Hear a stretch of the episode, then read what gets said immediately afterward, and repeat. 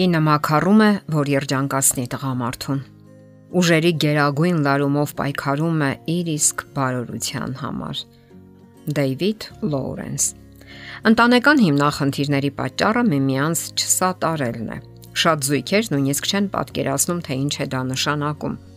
Չեն պատկերացնում, որովհետև ավելի շատ մտածում են իրենց հիվանդ ինքնասիրության դիրքերը չզիջելու, դիմացինին իրենց կարծիքը պարտադրելու մասին։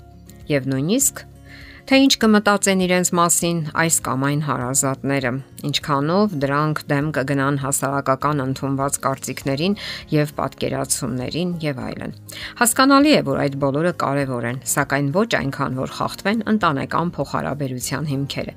Յուրաքանչյուր ընտանիք գեզակի է, այնտեղ ապրող մարդկանց բնավորություններով, տան դրվածքով եւ ընդունված կարգուկանոնով։ Այստեղ արդեն քարացած պատկերացումներ չպետք է լինեն։ Մեկ ընտանիքի կացութաձևը բացարձակապես պիտանի չի կարող լինել մյուսի համար։ Ուրեմն, ինչպիսին է դրվածքը ընտանիքների զգալի մասում։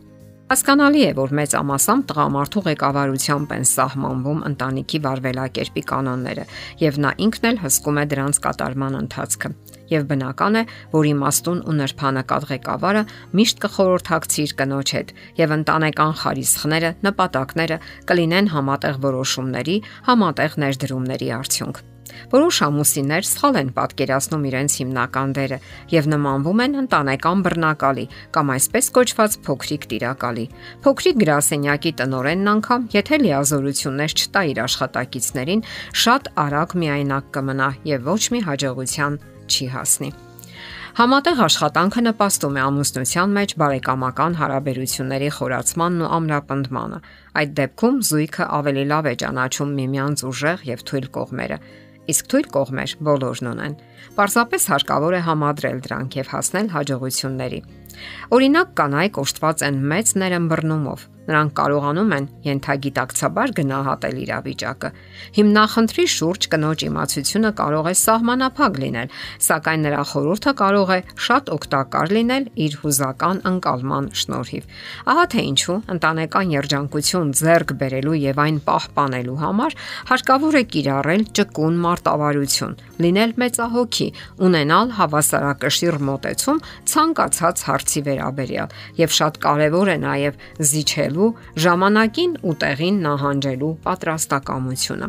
Շատ հիմնախնդիրներ են առաջացել այն պատճառով, որ կողմերը չեն լսել միմյանց կամ չեն ցանկացել լսել, չեն ցանկացել ընկալել դիմացինին եւ ժամանակին չեն նահանջել իրենց դիրքերից կամակորության, քմահաճության հաշվին ձեռք բերված այսպես կոչված հաղթանակները հաճախ ընդհանրապես խորացնում են հիմնախնդիրները, լարվածություն մտցնում հարաբերություններում իսկ որոշ դեպքերում էլ դրանք միայն նպաստում են ամուսնալուծությանը։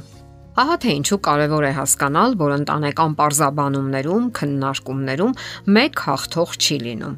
Լինելու են երկու հաղթող՝ կինը եւ ամուսինը։ Նրանք շատ ուժեղ են միմյանց հետ եւ շատ թույլ, երբ գործում են միայնակ կամ առանձին։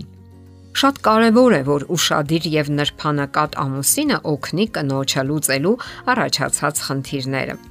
Այսօր շատ կանայք են աշխատում, Լուծում են այնպիսի հարցեր, խնդիրներ, որտեղ խիստ կարևոր է կողակցի աջակցությունն ու օգնությունը, սատարումը։ Սատարումը կարող է լինել թե ֆիզիկապես եւ թե հուզականորեն։ Ասենք որ կանանց համար մեծապես կարևոր է հուզական սատարումը, երբ նրանք զգում են, որ իրենց հասկանում են, կարեկցում եւ ի վերջո սիրում։ Տղամարդիկ երբեք չպետք է անտեսեն հուզական սատարման պահը։ Նրանք պետք է լինեն պատրաստական, որpիսի կինը կարողանա ազատ առանց լարվածության եւ զգուշավորության զրուցի նրանց հետ իրեն տանջող հարցերի շուրջ։ Եթե կինը բավականաչափ սատարում եւ կարեկցանք չգտնի ամուսնու մեջ, ապա ավելորդ խորթացումը երբեք չի նպաստի ամուսնական փոխհմբռնմանն ու երջանկությանը։ Երբ ամուսինը բարությամբ եւ ուշադրությամբ է պատասխանում կնոջ ցանկացած պահանջմունքին, լիովին բավարարում է հասկացված լինելու եւ գնահատված լինելու նրա կարիքը։ Իսկ ահա ընտանեկան բազմաթիվ հարցեր կարիք ունեն երկկողմանի քննարկման, այլ ոչ միակողմանի։ Ընտանեկան խորհրդակցությունները թույլատնում են միջանձնային լարվածությունը եւ նպաստում են ընդհանուր համաձայնությանն ու փոխ ըմբռնմանը։ Եթե ամուսիններից մեկը սխալ որոշում է կայացրել, մյուսը պետք է նրբանկատ լինի, չքննադատի, հանդուրժող ու ներողամիտ լինի նրա սխալների հանդեպ։ Վերջին հաշվով մենք բոլորս ենք սխալներ թույլ տալիս։ Սխալներից ողբերգություններ սարքելու կարիք չկա։ Պարզապես հարկավոր է դասեր քաղել ապագայի համար եւ առաջ շարժվել։ Հայտնի է, որ կենսական իմաստությունը ձեռք է բերվում վրիպումների եւ դրանցից դասեր քաղելու շնորհիվ։ Սխալները նույնպես մեր կյանքի մասն են։ Ոչ մի մարդ դիտավորյալ սխալներ չի գործում։ Մարդիկ պարզապես սովորում են իրենց ստացած դասերի ու փորձառությունների արդյունքում Հասկանալի է, որ այդ սխալներին հակված են հատկապես երիտասարդները, ովքեր դեռևս կենսական փորձառություն չունեն։ Ընտանեկան երջանկության գաղտնիքներից մեկն էլ այն է, երբ կարողանում ենք ընկալել դիմացինի աշխարհը, հասկանալ նրան եւ կիսել նրա սխալների եւ բաց թողումների պատասխանատվությունը, ընթառաջ գնալ միմյանց։ Չէ՞ որ ընտանիքը մի ամրոց է, որտեղ մարդիկ պաշտպանում են միմյանց, ուղում միմյանց սխալները, մի աշխարհում, որտեղ կյանքը այնքան էլ հեշտ չէ եւ որ աշխարհը այնքան էլ բարյացակամ չէ։ Բոլոր իրավիճակներում հարկավոր է հենարան լինել միմյանց համար, միաբանվել տեսիլքներով եւ հույզերով, միասին վայելել կյանքի թե ուրախ, թե դժվար պահերը։ Եթերում է ընտանիք հաղորդաշարը։ Հարցերի եւ առաջարկությունների համար զանգահարել 033 87 87 87 հեռախոսահամարով։